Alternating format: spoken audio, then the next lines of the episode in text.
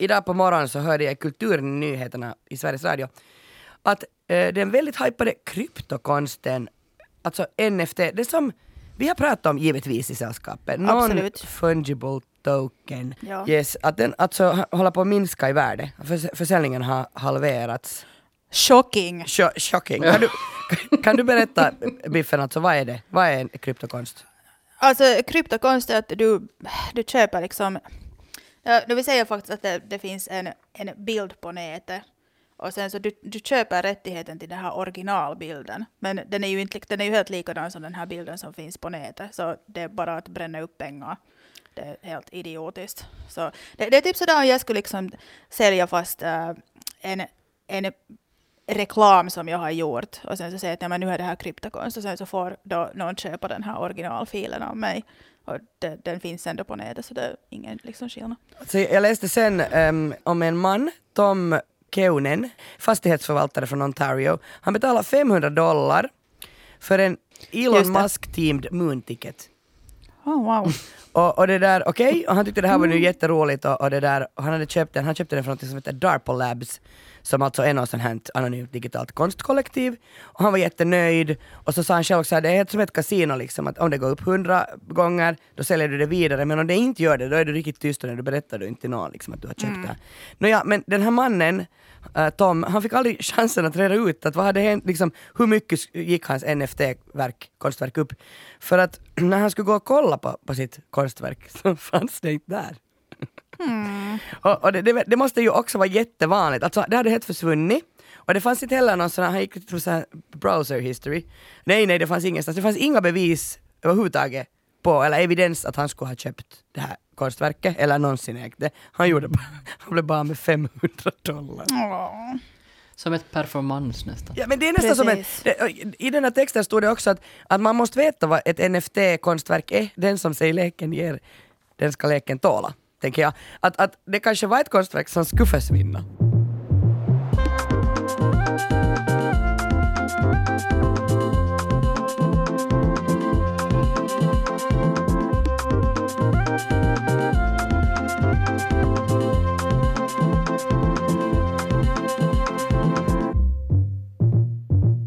Välkommen till Sällskapet, en kulturpodd med samhällsperspektiv. Jag heter Kia Svetihin och med mig har jag Ellen Strömberg, hej! Hej! Biffen Ahonen, hej! Morgens! Uh, hörni, jag, jag kommer med lugnande besked. Jag har läst en bok som jag hoppas att ska lugna allas eh, klappande hjärtan inför jul. Alltså stressen ska jag försöka ta bort. Hälsostressen nämligen. Eh, boken heter Radikalt lagom, är skriven av professor Fredrik Nyström. Och han säger så här, du ska äta fet mat, du kan undvika träning, du kan vara lite tjo- småtjock och du kan dricka vin varje dag. Ja. Jag Jag älskar honom redan. Ja, julklapp till er mina med. vänner. Lagom-metoden. Ja, så kallar han den.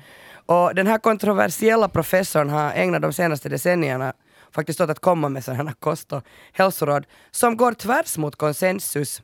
Men vi här i sällskapet, vi skapar julefrid genom att ta till oss hans råd. Så jag ska snart ge åt er en sån här helt överblick hur ni ska leva under den här helgen.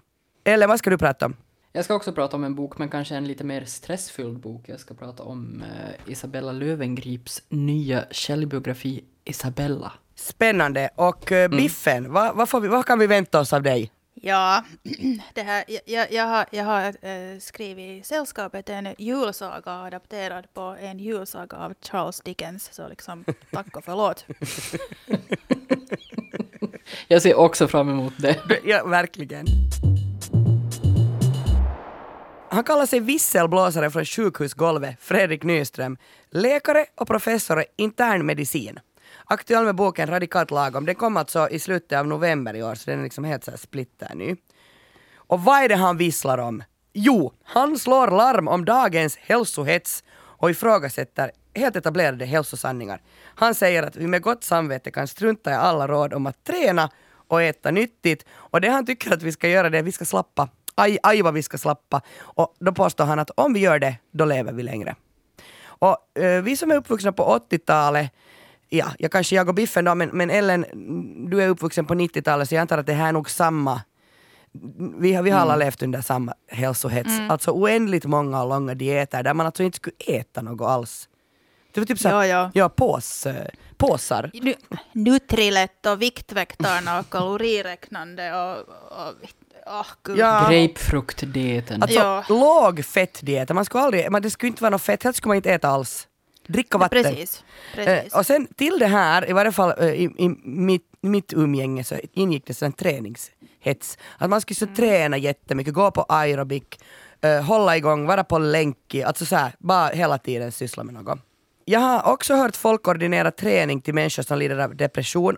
det kan ha varit jag själv. Men alltså det, det, det vet jag också att läkare gör. Den här Anders Hansen till exempel, den här svenska psykiatern som är sån en som tycker om att göra pengar Han som hatar mobiltelefoner. Ja, eh, men, men han hade typ så här ordinerat, så här, är du deprimerad, men gå, upp, gå ut och jogga.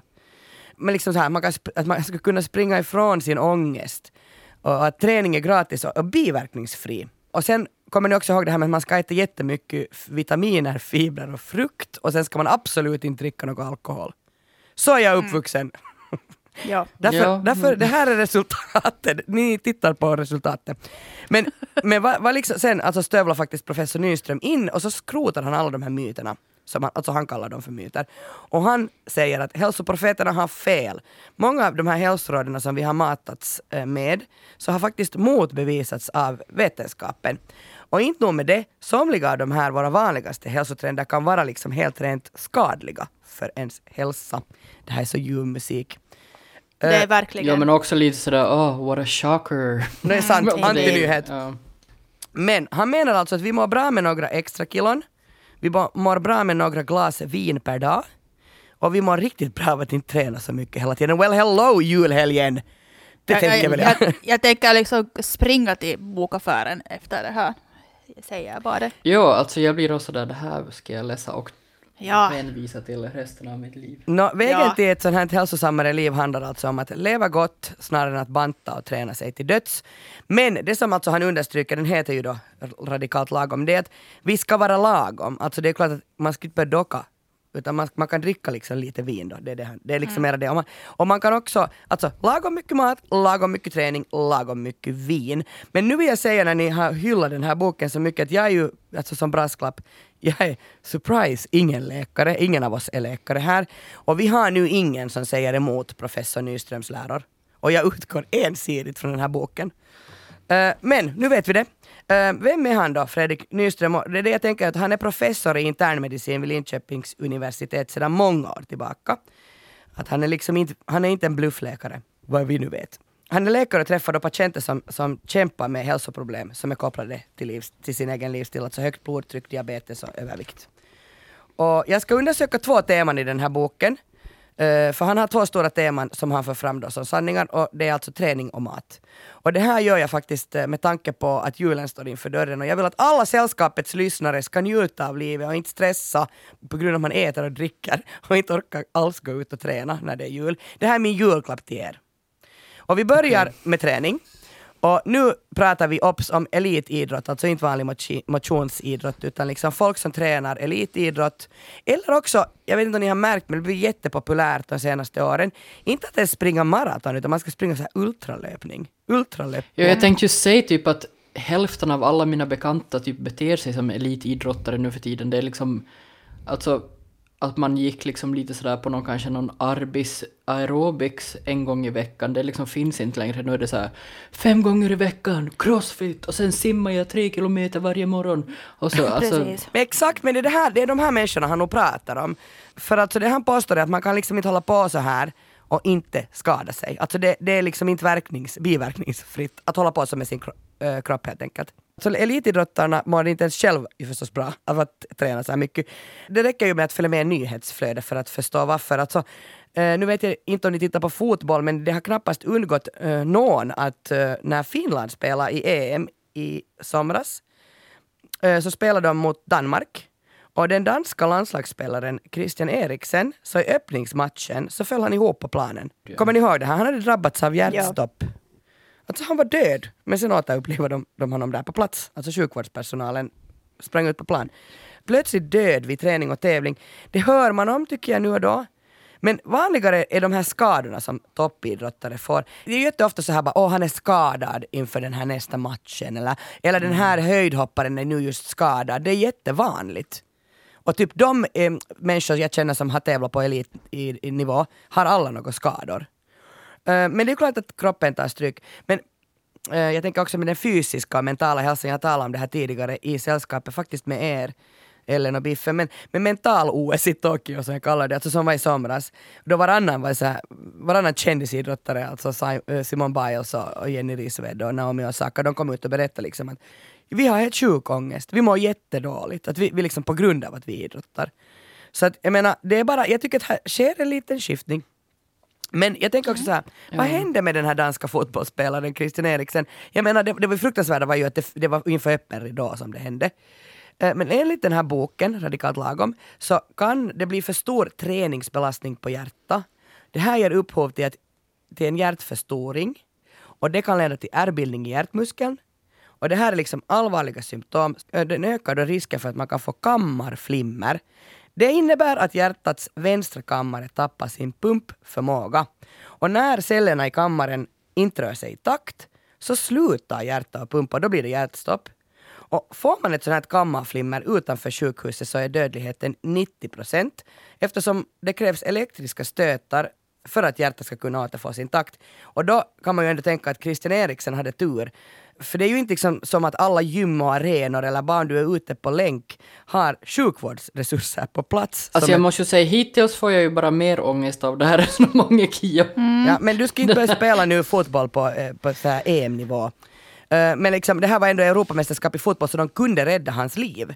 Men jag tänker att, att om vi tar oss vanligt dödliga, och då tar jag mig själv. Jag har tävlingsidrottat när jag var yngre och idag är jag alltså rätt besatt av löpning.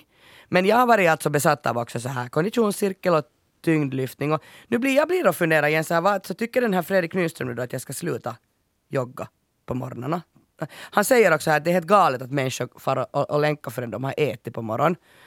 Mm, eller om man då gör det så, så liksom man kan alltså utsätta sin kropp för jättemycket påfrestning. Han är alltså ju främst kritisk till det som liksom hans patienter har råkat ut för. Och det är just att andra människor kommer och ger kostråd och, trä- och liksom så, här, så här ska du träna. Alltså att någon annan säger åt dig vad du ska göra. Eh, Men, men liksom som kritik tänker jag ändå att fysiologiskt så är vi ju skapta för att röra på oss och för mig är träning en konstgjord form för rörelse eftersom vi sitter så mycket stilla. Vi behöver ju inte idag springa och skaffa mat eller fly från faror. Men med det här sagt så är jag också jättetrött på att man har sådana här evolutionära lösningar till allting. Alltså, jag orkar inte riktigt Ja, men jag, alltså jag tror att det som är den stora liksom sådär, vad ska jag säga, eh, fördelen med hans resonemang, den här, vad han nu hette, Fredrik? Nej? Ja, Fredrik Nyström. han? Ja. Eh, så det är ju liksom att han säger att man inte ska träna, för det är, jag tror att det ofta har en motsatt effekt om man hör ännu ett, typ så här, eh, om inte man är no, en sån som tycker om att träna naturligt, till exempel jag, eh, men ändå med åldern har upptäckt att jag kanske mår bättre av att jag faktiskt går lite promenader i veckan och kanske till och med gör något slags pass någon gång då och då, även om jag är långt ifrån någon crossfittare. Men om någon säger åt mig att du borde träna, du borde må bättre, så då, det har alltid motsatt effekt. Då blir jag sån här, jag tänker inte alls här. Och så bara sätter jag mig ner bara för att typ liksom göra någon slags motstånd till någonting. Så bara, bara det att man öppnar upp för att nej men inte behöver du träna. Då kan den här lusten att faktiskt, nej men kanske det, kanske det skulle vara roligt att fara på ett pass eller kanske det skulle vara roligt att fara på en promenad nu, kan faktiskt liksom väckas i mig av att jag inte känner att jag har några ögon på mig som tycker att jag skulle måste göra det. Alltså det är jätte, Exakt. jätteintressant. Alltså för det, det, han har ett påstående i den här boken som jag faktiskt tycker att det är så intressant. Och det är så att han säger att de som motionerar hårt och ofta är en friskare grupp än soffliggarna. Alltså de som inte vill motionera. Och det är inget snack om det. Det, liksom, det bevisar inte att löpturerna är det som gör att den hårdtränade gruppen råkar vara friskare. Alltså han vänder på sambandet och drar slutsatsen att den goda hälsan är det som gör att man motionerar mera snarare än att man får bättre hälsa av att motionera. Förstår ni? Det är ett, ä- endast ett statistiskt samband som han vänder på. Jag tycker det är jätteintressant för till exempel, jag springer främst för att eh, jag vill ha huvud i skick. och, och jag har huvud i skick, alltså springer jag. Nåja. Eh, jag tycker också, eh, han, han säger nämligen, han blev intervjuad i Göteborgs-Posten Och då säger han att det som du säger, eller att många fall har lett till rakt motsats, motsatt effekt för hans patienters hälsa då de har lyssnat liksom på andras hälsoråd. Och det har gjort att de blir bara stressade, mera skadade och mera sjuka. Och han säger också att, att liksom överhuvudtaget är han kritisk till alla former av träning som ska funka som så här mirakelmediciner. Och bland hans patienter har han många maraton, eller före detta maratonlöpare är det. Och, och han säger att de har så här livslånga skador på hjärta. Och själv har han sprungit ett maratonlopp. Och han tänker aldrig göra om det, för efter det kollade de hans värden och då såg det ut som att han skulle haft liksom en liten influensa. Och så visar han också tecken på muskelskada, både i hjärta och liksom på stora muskelgrupper. Så nu är det ju liksom det, det, det, man, man, tänker, man tänker efter när man läser den här boken. Man behöver ju inte hålla med om allting han säger, men den är helt intressant. Uh, ja, nej, jag, vet inte, jag tycker också att liksom, för jag är ju nog sån där som tycker att man mår bättre av en promenad. Gå ut och gå så kanske du är på bättre humör när du kommer hem. Men jag tror att, att just liksom ordinera det som medicin till någon som kanske är liksom, liksom kliniskt deprimerad, så det är att gå ganska många steg för snabbt framåt för att man behöver ju också en viss mental ork för att ens orka gå på den där promenaden. Sen när det liksom börjar rulla och man orkar göra det, så då mår man ju bättre av det, men liksom man kan ju liksom inte säga åt någon som inte orkar duscha eller stiga upp att nej men om du skulle få på ett zumbapass så blir det nog Alltså då går man ju som... Nej, nej, nej, ja. nej, herregud. Mår man, har, mår man redan sådär grund okej, så då mår man ju bättre av att röra på sig. Men det är ju inte som att man mår bättre av det enda man åstadkommer är ju att man får en till sak man inte orkar göra om man på riktigt är deprimerad. Exakt, man får sån press på sig. Ja. Men nu tar vi hans andra tema eller påstående i den här boken, alltså ät vad du vill. Och det ska vi granska nu. Han säger så här, mat, säg inte nej till det goda livet. no.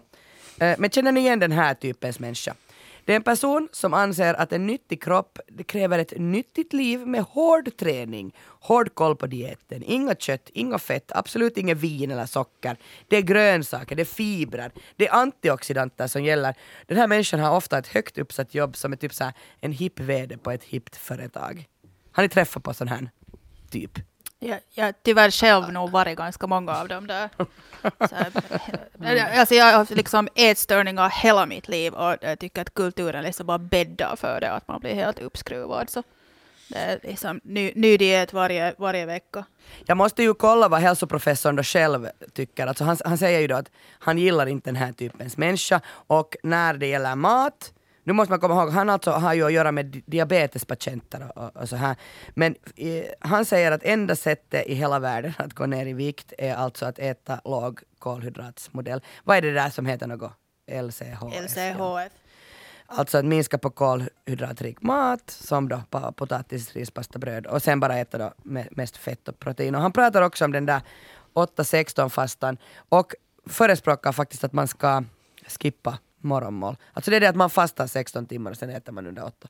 Nåja, uh, jag tänker inte prata mer om några di dieter eller kommentera, jag tycker att dieter är alltså faktiskt av ondo.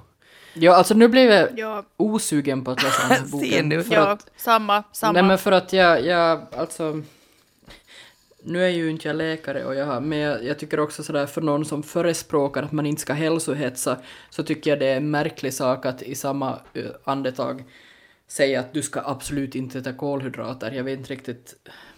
Och i, alltså jag kan säga också, i en podd jag lyssnade på med honom, det var någon sån här idrottspodd, där han, där han blev intervjuad om, om sina de här, alltså speciellt handlade om träning. Så då så började han att skryta om hur snabbt han kan springa någon sån jättehög backe. Och jag tyckte det var så jättekonstigt att, What? att var det nu det som var hans uppgift? Nåja. Så han vill bara att vi ska träna mindre så att han ska se han ännu bättre ut? Exakt. Ja. Uh, det bästa rådet som Fredrik Nyström ger är att man ska alltså strunta i avancerade hälsoråd och bara försöka äta och träna lagom. Lagom, det här ska bli sällskapets nya ledord. Vi kan bara vara så lagom hela tiden. Mm. Um, men han tycker faktiskt att vi inte behöver bekymra oss om vi släpar på några extra kilon eller klassas som överviktiga. Och sen tycker han också att vin ska bli ens nya hälsodryck och att man bra kan dricka vin varje dag. Han säger att alkohol är den fjärde makronutrienten. Och makronutrienter det är liksom näringsämnen som kroppen behöver i större mängder. De förser liksom kroppen med energi. Och grundkällan till kalorier då, tillsammans med fett, kolhydrater och protein. Vi är anpassade för att kunna bryta ner alkohol. Eh, det här menar han att man kan spontant se det i naturen när frukt åldras och jäser. Eh, Och han säger så här, måttligt med alkohol förbättrar blodfetterna och sänker blodtrycket genom att vidga blodkärlen. Och han säger också själv att han tycker att det verkar som att den sänker aptiten. Han dricker alltid vin före han ska äta för att undvika Han att småäta. tycker att det verkar som att... Professor Nyström. Eh, Ah. Men va, så, så är vin ett läkemedel började jag fundera. Så läste jag i, i nyaste magasin Filter så intervjuade de honom. Och då säger han att vin har farmakologiska effekter. Eh, en gång i Aftonbladet så sa han det här den tid sedan att vin på det här sättet är nyttigare än motion. Eh, I det här hans bok kan man sen läsa att det uttalandet faktiskt nästan kostar honom sitt jobb som forskare. Alltså han är kontroversiell. Vi ska inte hymla med det. Eh, men hörni, eh, vi lever ju alltså i en tid som präglas av djupt osund hälsostress, där just olika hälsogurur eh, ger oss så här dåligt samvete för att vi inte lever ett sånt högpresterande liv med extrem träning, extrema dieter och ett extremt tempo. Och det har faktiskt gått så långt att det här extrema har blivit normalt och därför är en strävan att vara lagom har blivit radikal. Det är därför han har skrivit boken. Och han säger också att det saknas helt enkelt vetenskapliga bevis för att man inte skulle kunna leva ett långt och lyckligt liv utan att träna, banta och stressa sig till döds. Så sällskapet önskar Biffen och Ellen och er kära lyssnare det goda livet, tänker jag. Det här är min julklapp nu då. Eh, det gör vi tillsammans hand i hand med professor Fredrik Nyström. Lagom mycket träning, lagom mycket mat, lagom mycket vin. Och han vill att vi ska få njuta av det livet så länge det bara är möjligt. Och jag tänker nu sammanfatta några gyllene regler så behöver ni inte läsa den här boken själva. Träna aldrig mera än du behöver, alltså minska din hälsostress genom att bara träna då när du vill och tycker att det är roligt. Sen hans andra gyllene regel är att använd inte benen i onödan. Är det till exempel kallt eller regnar eller det är halt så då kan du strunta i att träna. Han skriver också att, så att, att om du inte orkar cykla eller gå till jobbet, ta bilen. Bara, Amen. Okej, sen var tjock och var lycklig. Gör dig av med den här farliga missuppfattningen om att bantning alltid är bra. Han påstår nämligen också i boken att man börjar må dåligt. Alltså om, att man kan må jättedåligt av att, att gå ner i vikt. Och sen, vinet är din nya hälsodryck. De som njuter av vin får mindre hjärt och kärlsjukdom och, de, och vinet ger dig också röda kinder och bra blodtryck medan du sover. Aj, aj, aj, aj, underbart. Jag, Okej. jag tänker inte läsa den där boken, jag lämnar den nu bara här och, och, och jag tycker det är jättebra tips och det har varit den bästa julklappen en människa kan få. Tack. God jul! Jag har då läst, eller jag har lyssnat på Isabella Lövengrips nya självbiografi som heter Isabella. Och jag tänkte jag skulle prata lite om den.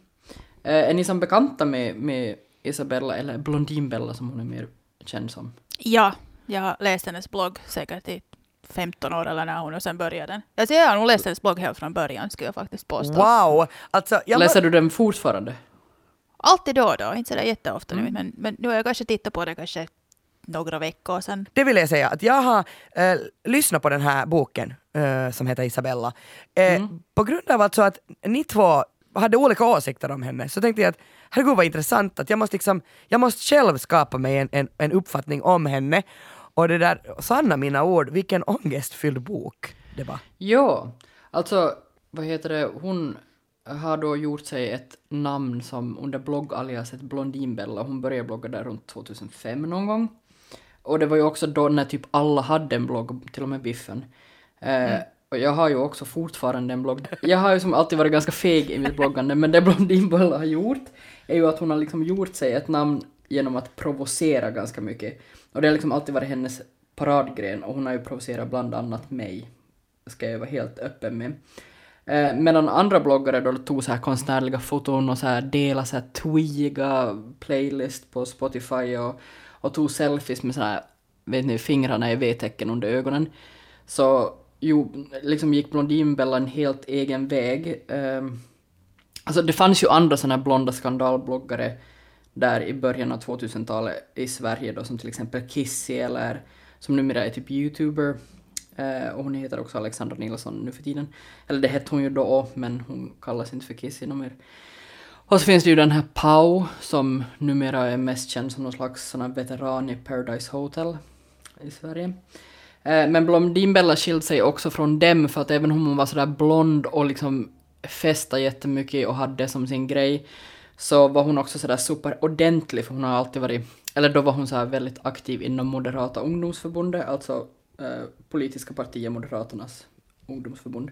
Och hon var såhär, hon typ klädde sig i såhär diadem och pastelliga skjortor och och typ, jo, hon har som aldrig gjort någon sån här hemlighet av att hon liksom drivs av pengar och att hon vill bli entreprenör. Och de här senare åren så har hon, börjat, alltså har hon liksom profilerat sig mest som entreprenör. Hon har startat så här jättemånga olika företag eller investerat i jättemånga olika företag. Hon har någon så här, typ så här hårspray och grejer som ska tydligen vara ganska bra. Ja, under sitt eget namn. Och hon, jag tror också att hon har varit med i något skomärke. Alltså det har varit en massa så här olika saker. Och hon har också liksom gått ut och sagt eh, rent ut att hon ska bli världens mest framgångsrika affärskvinna. Eh, och samtidigt som hon har gjort det här så har hon fått två barn. Hon har gift sig, hon har skilt sig och hon är nu också tillsammans med en, en ny man och hon har haft män däremellan och så. Och också flyttat från liksom en lyxig villa på Lidingö till den andra. Och det, alltså det, det har hänt jättemycket i hennes liv så det är väl också en ingrediens till varför folk har fortsatt läsa hennes blogg. Eh, trots att man liksom blir provocerad gång på gång. Eh, och för ett par år sedan så stormade det riktigt rejält kring henne. Eh, för det kom fram, alltså Expre i september 2019 så publicerade Expressen ett avslöjande. Och det här var liksom eh, för oss som kanske läser sådana här skvallerbloggar om andra bloggare och så, så var det liksom ingen nyhet. Men de eh, gjorde ett stort avslöjande som handlade om hur hon har liksom fabricerat och ljugit om sina siffror och sina följarantal för att liksom få mera annonsörer och så. Men också typ att hennes personal på hennes bolag mår jättedåligt och det liksom... Ja, det var, det var allt möjligt. Jag ska som inte gå in på det allt för detaljerat för ni ska ju läsa... Eller... Kia har ju redan läst boken. Kan du reda ut till mig, uh, vad var det liksom hon hade, alltså hade hon, för hon påstår ju själv att hon inte har räknat, alltså att hon har räknat på ett annat sätt. Ja, alltså det är ju det att det finns ju kanske inte riktigt, alltså eftersom influencer fortfarande ett ganska nytt yrke så finns det kanske inte, det börjar väl kanske finnas ganska sådär vedertagna, eh, liksom hur man räknar sin, eh, sitt engagemang och sin följarskara och liksom om man ska räkna liksom i sidvisningar eller unika besökare och så. Och det är ju det som Isabella själv då menar att hon har liksom bara sett på lite andra siffror än vad Expressen har gjort. Men det är också sådär att även om man som slår ihop allt det som hon säger sig ha tittat på så stämmer det ändå inte. Eh, så det är ganska sådär, alltså fast jag har bloggat i snart 20 år så vet jag vet inte heller liksom vad jag har för läsare för att man vet inte riktigt på vilka siffror man ska se. Men om man är liksom så pass entreprenöriell, entreprenöriell, är det ett ord ens? Nu är det. Om man, är, om man i alla fall är så ambitiös som Isabella Löwengrip ändå har varit med sitt bloggande och sitt influencerskap så tycker jag ändå att man borde kanske ha bättre koll på det än vad jag har. Ja, och sen tänker Eh. jag också att hon gör ju liksom, hon, hon gjorde ju pengar på det och sen att det att, att alla hennes annonsörer lämnar Mm. henne, typ alla hon gjorde samarbete med lämnar ju Ja, typ henne. Så det alltså säger det var ju också något. det i och med, jo, jo, alltså hon hade fått in jättemycket klagomål och det är ju som en jättelång utredning som Expressen har gjort men den, just det här när de publicerade och så det ledde ju, det blev ju en sån här snöbollseffekt att liksom fler och fler liksom samarbetspartners och så lämnade henne. Och det här var då just efter att hon hade, eller så sommaren innan, några månader innan då på sommaren så hade hon sommar, eller ja, så hon hade sommarpratat och då sagt att hon ska som lämna Sverige, typ fuck off Sverige, nu flyttar jag till USA och satsar på den amerikanska marknaden. Och hon hyrde en så här jätteflådig lägenhet i New York för flera hundratusen i månaden och så för att liksom etablera sig där. Och allt det här berättar hon om i den här boken. Och det är ju som, som jag sa så har jag också ganska så här, inte regelbundet, men i perioder alltid klickat mig in på hennes blogg just för att jag har lite hatläst den. Alltså, jag, jag tycker om att bli provocerad och sitta och muttra över hur dum någon är. Eh, Speciellt om det är någon som kanske inte har, alltså som jag inte kanske riktigt delar världsbild med. Ehm, och eh, så när den här boken kom ut så det tog ju som inte många dagar för jag hoppade på den som en hök eh, och började lyssna. Alltså vi serveras vi ganska så här generösa bakom kulisserna bilder i den här boken. Och vi får också veta sådana här små bitar ända från barndomen till allt vad som har som format den här produkten Blondinbella eller vad vi ska säga. Hon, hon berättar om hur hennes mamma, fast, fast hon hade ont med pengar, det här kan ju diskuteras vad ont om pengar är, men så unnar hon sig allt, eller hon använde bara nagellack från Dior, för det var det bästa. Och det, det, är också en sån här scen som byggs upp så att vi ska förstå att här lär sig Isabella att unna sig det bästa av det bästa. Det här är alltså, eller jag tycker, jag reagerar på det här, just det här med Dior-nagellack, för det är kanske inte någonting, har man på riktigt ont om pengar som ensamstående förälder, så är det kanske inte, så kanske man inte köper Dior-nagellack, men det där är, det där är ju, får man ju bestämma själv vad man anser vara lite pengar. Det är verkligen hennes historia som hon Ja. berättar. Ja, och hon, hon berättar också om den här eh, föräldrarna skiljer sig när hon är ganska liten och pappan är liksom brottas med alkoholproblem men är samtidigt en jätte driven entreprenör och väldigt så här fast vid att han ska komma bort från sin fattiga uppväxt och så. Och från honom så får Isabella då det här drivet på något sätt och han liksom präntar i henne hur viktigt, om man är entreprenör så kan ingen liksom stiga på dig, bla bla bla bla bla.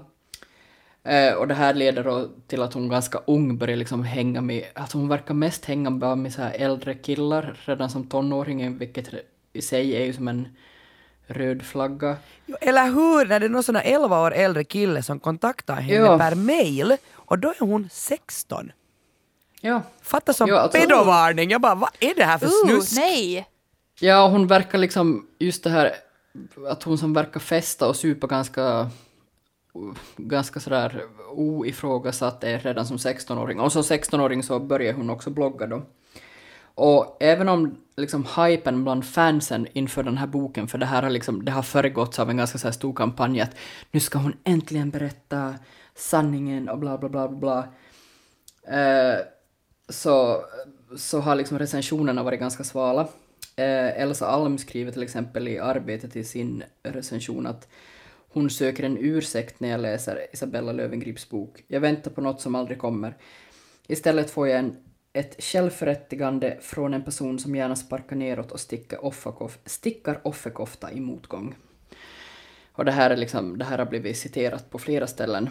Så det är inte den snälla recens snällaste recensionen, men det är också... Det finns inte jättemånga snälla recensioner. Alltså jag blir, Jag försöker hitta någon som skulle motsäga det, men det... just det, jag blir så provocerad av hennes den här, um, alltså det är väl fräckt kanske att säga det, men det är någonting i den här texten som gör att det framställs faktiskt som en offerkofta hela den här boken. Alltså att hon är ju så liten när hon vill vara så vuxen. Och jag blir så, jag blir Mm. Ja, men- så störd på henne. Som sagt, jag vill ju liksom inte tycka om Isabella, det är ju inte därför jag läser den här boken. Och jag- vi har... äh, Men inte, inte blir jag som helt... Jag försöker vara nyanserad i det här nu och inte, inte förblir jag helt oberörd ändå för att en sak som jag har tänkt ganska mycket på som hon skriver och jag tänker faktiskt läsa upp här. Sanning är ett svårt begrepp. Saker och ting förändras, man växer upp och man får nya perspektiv. Ja, jag har ljugit tidigare, jag har hittat på. Min persona Blondinbella var från början ett hittepå rakt upp och ner. Jobbar man med sociala medier måste man skapa content. Ibland har jag skrivit det som jag vet att folk vill läsa, inte det som är sant. När man bygger upp sig själv i sociala medier som jag har gjort så skapar man också sagan om sig själv. Alla skarvar och överdriver säkert lite grann. Problemet för oss influencers är att allt finns kvar. Det jag skrev som tonåring ligger kvar på nätet. Och såklart reagerar många när historien förändras under resans gång. Men det betyder inte att allt jag har skrivit är en lögn. Jag har utvecklats, mognat, hamnat i nya faser. Saker jag var helt hundra på var sanna kanske inte alls känns sanna ett år senare. Och det här tycker jag faktiskt hon har en poäng i. Alltså jag tycker också att vi är lite för snabba som samhälle att som kräva någon slags absolut sanning om en människa, att man kan liksom inte vara två saker eller ändras eller så. Eh, så det, det, det ska jag ändå ge Isabella Löwengrip. Och jag tycker också att det är intressant hur hon, hon jämför flera gånger i boken sin situation med Britney Spears. Eh, och just att jag tror att hon... att alltså jag tror att Isabella gärna skulle liksom se en sån här Free Blondinbella-rörelse i Sverige. Eh, för att ehm, den här Free Britney-rörelsen har ju inte bara sett till att Britney har blivit av med sin förmyndare, alltså det har ju faktiskt haft konkreta sådär konsekvenser. Eh, men eh, det har ju också ändrat på hur allmänheten ser på Britney, att, eh, och liksom kanske också lite hur vi ser på hur hela samhället och våra krav på våra idoler, vad det gör med de här idolerna, att hur unga kvinnor, inte bara popidoler men också influencers, lyfts till skyarna samtidigt som de liksom hackas ner till, till liksom ingenting. Det- och vi älskar ja. ju verkligen att hata de här framgångsrika blondinerna, det gör vi ju. Alltså den är ju på det sättet liksom också, när jag sa sådär raljant att, att hon är så ung när hon, när hon vill vara så vuxen. Så det är ju också jättesorgligt. Alltså det är ju det är jättesynd att hon, hon har, det verkar i alla fall enligt boken, som att, alltså att hennes föräldrar skiljer sig och, och får, så får de nya familjer och, och, och, och alltså nya barn, vilket gör att de lever några småbarnsår när hon skulle behöva stöd som tonåring. Och, och där är sådana helt fruktansvärda exempel som när hon går i gymnasiet och då är hon ju redan så populär och känd och rik att hon har någon Ja. assistent. Och hon är så hatad av sina klasskamrater att de typ startar någon blogg där de skriver sig skit om henne och hon är den enda som inte får vara med. Att det, det, det är ju alldeles fruktansvärt vad den där kvinnan har stått ut med. Det känns sådär som att många liksom i Sver- här Sverige ungefär hatar henne och, och liksom får, det är så här gjort att man ska hata henne. Jag, jag, jag, jag, jag har en sån bild av henne att jag tycker att hon är menar, någon som så ung och blivit så här framgångsrik och byggt upp liksom stora firmor och, och, och att hon har kunnat köpa hus på Lidingö och så. Det är ju jätteduktigt. Det är ju helt liksom, jag menar, inte skulle jag klara av något sånt där. Det är ju superduktigt och just att, att hon har hela sin, ända sedan tonåring hamnat och vara i den där positionen att alla hatar henne för att hon är så framgångsrik. Så inte, inte fan är det nu lätt inte. Nej, alltså verkligen inte. Och jag hoppar verkligen till för att som, eh, det här är ju inte någon spoiler, men hon avslutar boken med att säga att att jag är ju bara 30, det här är bara början. Och då blir jag riktigt sådär, herregud, är du bara 30? Alltså för att allt det hon har hunnit med, det alltså hon, eh, det, alltså det är abnormt mycket. Inte bara liksom professionellt, men hon har ju också just fått två barn och gift sig och skilt sig och allt det här. Och det, alltså man kan inte annat än beundra det samtidigt som det är liksom ganska skrämmande på något sätt att man... Det är ju också lite... Jag hade här senast, den senaste tiden varit ganska så orolig för Sanna Marin och hur hon mår. Hon är ju också väldigt ung och jag tänker att blir man statsminister vid så ung ålder så måste man ju ha sjuka krav på sig själv. Och det, jag har verkligen, inte för att dra någon jämförelse mellan Isabella. Löwengrip och Sanna Marin, men just de här duktiga flickorna, alltså hur det... Jag undrar vad det gör med liksom ens mående och jag menar Isabella pratar ju också om det här att speciellt de här, sis, alltså de här åren före den här kraschen 2019 då så beskriver hon verkligen som en slags mani att, att allting bara snurrar snabbare och snabbare och samtidigt som, som hon strävar efter att bli tagen på allvar som, som företagare och liksom allting så, så tar hon, gör hon liksom, att hon gör allt för att bli tagen på allvar. Hon liksom tar allt för stora risker och liksom lanserar en massa projekt som inte varken hon eller omvärlden är mogen för. Och, Ja, hon, hon, och just kanske liksom börja ljuga och fabulera och verkligen visa upp det här, hur bra det går för henne hela tiden utan eh, samtidigt som hon som hon liksom kämpar med, med ätstörningar, hon får också elchocker i, för depression vid ett tillfälle. Och hon har liksom förstörda relationer, både liksom romantiska och hennes relationer med familjen är ganska ansträngda och så. Är hon inte också, har hon inte fått diagnosen bipolär? Hon har, Ja, Som, och ADHD, alltså jag menar jag tänker Ja, också ja. att, att hon, hon, hon mår ju, man märker det nog i boken också, alltså den där mängden saker hon, hon ja som du sa Ellen, att, att hon är bara 30 och har gjort allt det här, ja. hon, hon mår ju inte, att hon är manisk. Och hon skriver ju, jag kommer ihåg att hon skrev på bloggen någon gång att eh, hon är sådär att, att, att hennes fötter liksom lugnar inte ner sig så hon får på nätterna ut och springa för att hon kan inte sova. Att hon är hela tiden Mm. igång, hela tiden, hela tiden, hela tiden. Så jag menar, det är ju jätte... Och sen om man tänker hur mycket hon gör och skriver böcker och startar tidningar och startar Mm. skoföretag. Så det är ju helt sjukt det, hur man klarar av det där. Så inte undra på att man får lite sekasin sen vid något tillfälle. Ja, och jag tycker också att hon, alltså det blir jag, jag ska inte gå så långt och säga att jag blir inspirerad av det för jag kom, det kommer ju inte ske att jag gör någonting åt det. Men jag tycker det är liksom så här ganska kul hur hon bara sådär utan att veta någonting typ ringer upp en, första gången hon ringer upp ett företag för att sälja en annons till sin blogg så då, så då är det som hon bara ringer till ett telefonnummer hon hittar på typ till någon sån här kundtjänst och sådär Hej, jag skulle att ni skulle köpa en annons, hur ska jag göra? Eller typ när hon vill starta, börja så här fondspara på banken så bara går hon in dit och säger Hej, vad behöver jag göra för att fondspara? Hur kan du hjälpa mig? Och de är sådär eh, Ja, alltså du behöver ju som en miljon för att ens få liksom en sån här, ja Och då bara okej, okay, no, men då går jag och skaffar det. Alltså det är liksom en ganska sådär... Det är ganska uppfriskande ändå att hon Mm. går in i de här rummen och tar plats, det ska jag säga. Men med allt det här sagt, nu har jag varit väldigt nyanserad och försöka vara så snäll jag bara kan. Eh, men jag lyckas ändå inte i slutändan riktigt uppbåda samma slags medkänsla för Isabella som, för, som jag har till exempel för Britney Spears.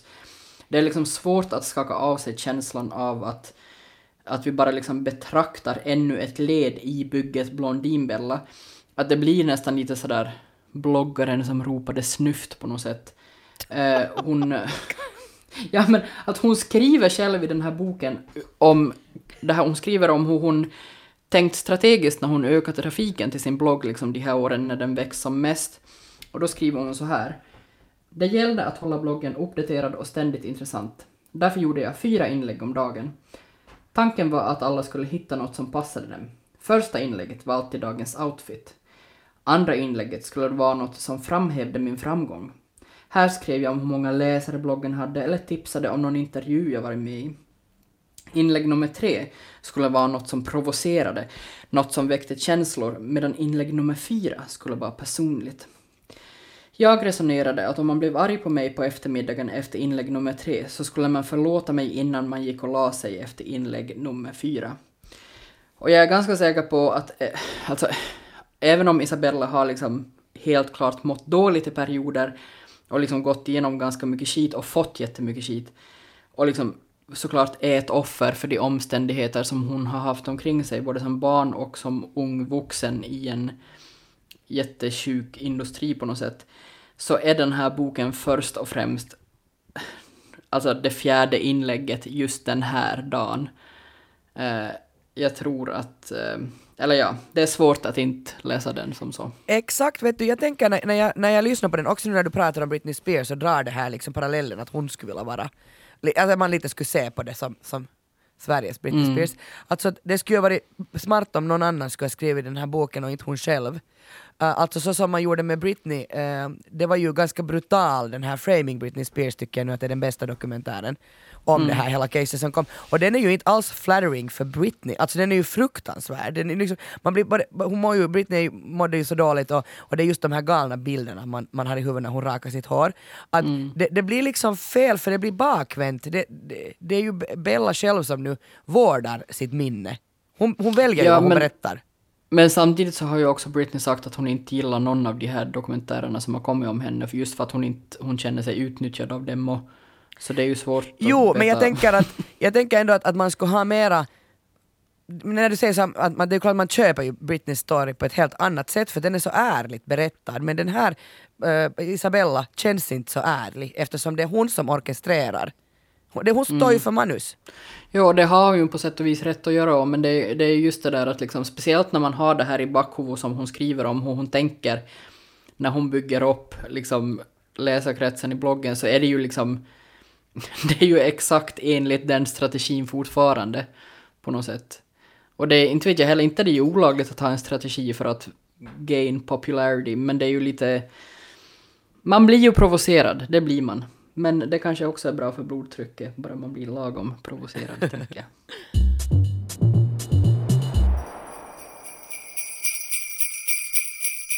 Sällskapet, en julsaga baserad på en julsaga av Charles Dickens.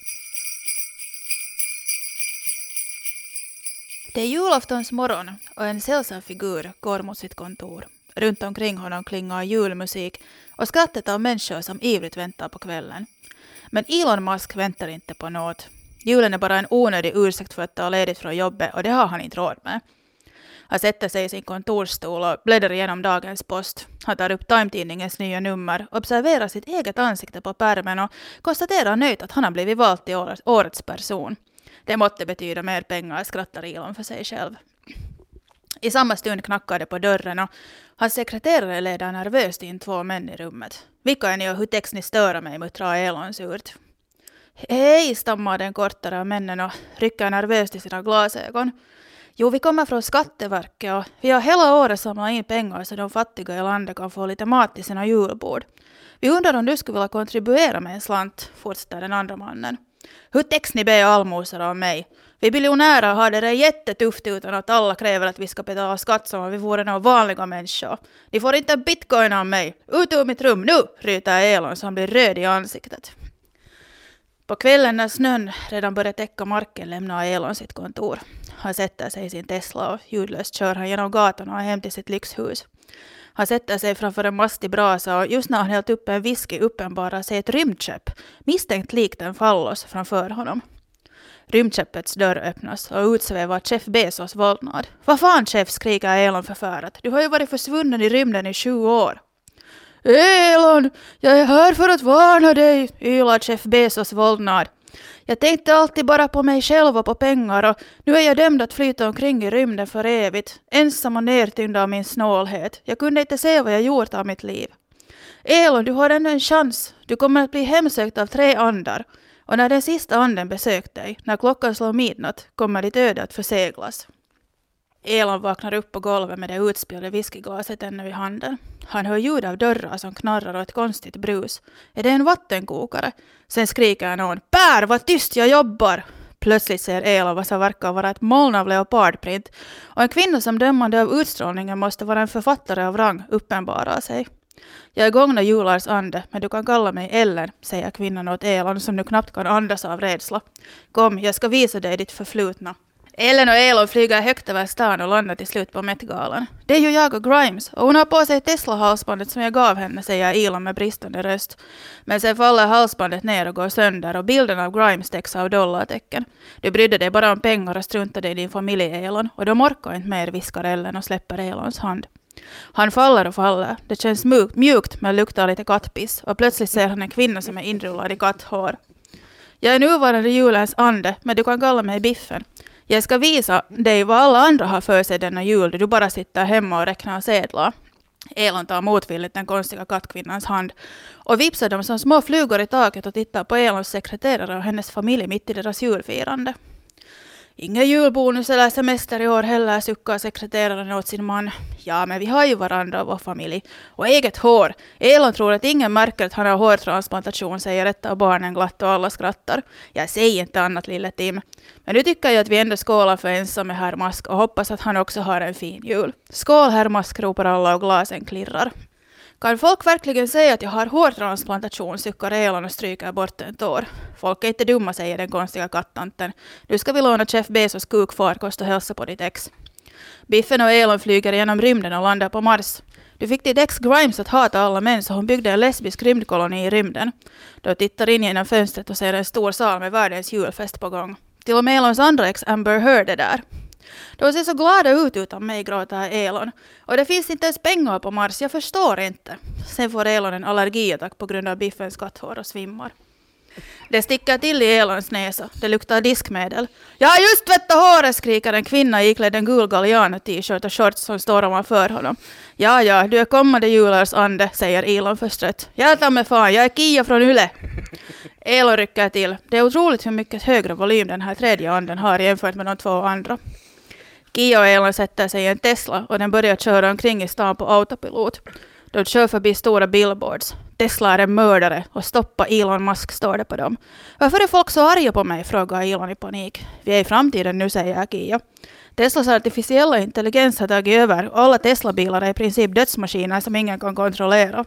Nej, nej, jag ville göra världen bättre, inte förstöra den, hinner Elon skrika ut innan Teslan kör in i en vägg och exploderar i tusen bitar. Någonstans långt borta slår klockan tolv. Elon vaknar svettig och darrande. Han slår upp ögonen. Han är på sitt kontorsgolv. Allt snurrar. Han känner på sin kropp. Han tar i mattan och i golvet. Är jag vid liv eller drömmer jag? Elon kniper sig själv så hårt han kan och aldrig har smärta gett sån glädje. Jag lever, jag lever! Elons sekreterare springer in i rummet. Herr Mask, vad har hänt, vad har hänt? Min kära lojala sekreterare, nu ska du ta julsemester och efter helgen ska vi diskutera din löneförhöjning. Spring hem till din familj, skriker Elon åt sin vid det här laget mycket konfunderade sekreterare. Jag har fått en ny chans, jag ska ändra mitt liv. Och det gjorde Elon. Han betalade 11 miljarder i skatter och twittrade genast om detta så hela världen kunde glädjas. Han tog bort Teslornas artificiella intelligens och ingen mer dog på grund av mördarbilar. Sen slutade han också duscha och skaffade en massa fula tatueringar. Det ledde till att Khloe Kardashian, som redan en längre tid letat efter en illaluktande men rik pojkvän, en sån som hennes systrar har, blev kär i Elon. Och de levde lyckliga i alla sina dagar, eller åtminstone tills nästa trend. The end. Oh my god, har du skrivit det här själv, Biffen? Jo. Alltså det här är... Jag trodde inte att man kunde göra en bättre version av en julsaga än Mupparna har gjort. Men det här seglar helt utan motstånd upp på första plats. Otroligt! Alltså helt Härligt, härligt. sjukt bra, tänk att vi var med. Alltså jag blev så, jag blev Ja. så där nästan, alltså jag blev så här lite så här, alltså nollo, så här, åh jag är med, tänk att jag är med. Ja, alltså jag blev rörd. Jag har tårar i ögonen. Åh, åh, ljuvligt, Otroligt, du fick med allt, du fick med typ allt, Allt. vad vi har pratat om 2021 i sällskap. Och jag är så himla glad att vi ändå fick in, eller att du fick in någonting om Kardashians där i slutet och jag han nästan bli orolig. Såklart. Att Såklart. ska det här nu... Alltså det var, var det inte, nu vet jag inte om det var Ellen eller Biffen, men någon av er spanade ju att, att eh, de här pojkvännerna som, som Kardashians har, det, blir- det, är den, det är den nya pojkvänsmodellen. Det är det, Det- som alla det. kommer att vilja ha. Mm. Grunge-trend, liksom, han- grunge-pojkvännen trendar. Illaluktande. Illaluktande Ja. Aj, aj, alltså vilken saga! Den här kan man lyssna om, om. Verkligen. Jag tycker att, att den här julen så ska alla sätta sig ner och lyssna på den här sagan liksom som, som ett nummer under julen. Kan vi göra till nästa år liksom, till Yle en sån här TV-inspelning vart vi alla sitter i studion och sen klädda som små tomtar Som och så läser vi upp drottningens den här. jultal. Ja, precis, precis. Och sen varje år, för evigt kommer den på TV varje julafton. Jag tycker Jo. att det ska vara Vi- sjukt kul. Visst eh, är det så att du hänvisar till den här Teslan som, som har typ Ah, kört ja. ihjäl- ja, i Paris. döda Tesla? Och, alltså, och, och jag hade redan skrivit det här och sen så läste jag i Hesaren att Elon Musk nu äntligen ska betala skatter 11. Jag hade liksom skrivit en fiktiv version att han ska betala skatter och sen så gjorde han det på riktigt. Han har säkert på något sätt sett det, vad du har skrivit i din dator. Han har ju Exakt. Ex nå någon av oss har liksom varit nu på riktigt hos honom. Hörni, det har varit, det har varit en, en underbar eh, podd. Jag är helt salig. Tack eh, Biffen och Elle för sällskapet. Tack, Tack själv. Vi vill gärna önska er en god jul också till våra lyssnare och vi vill också att ni ska gå i dialog med oss så ni kan skriva till oss på sällskapet.yle.fi och eh, som sagt alla referenser sätter vi i avsnittsbeskrivningen. Men hej, god jul och gott nytt år! Eh, det har varit ett underbart år att få eh, spendera i sällskap med, med oss. tänkte säga med Ellen och. Biffen men så tänkte jag säga nej men med oss. Jag tänkte säga tack för det.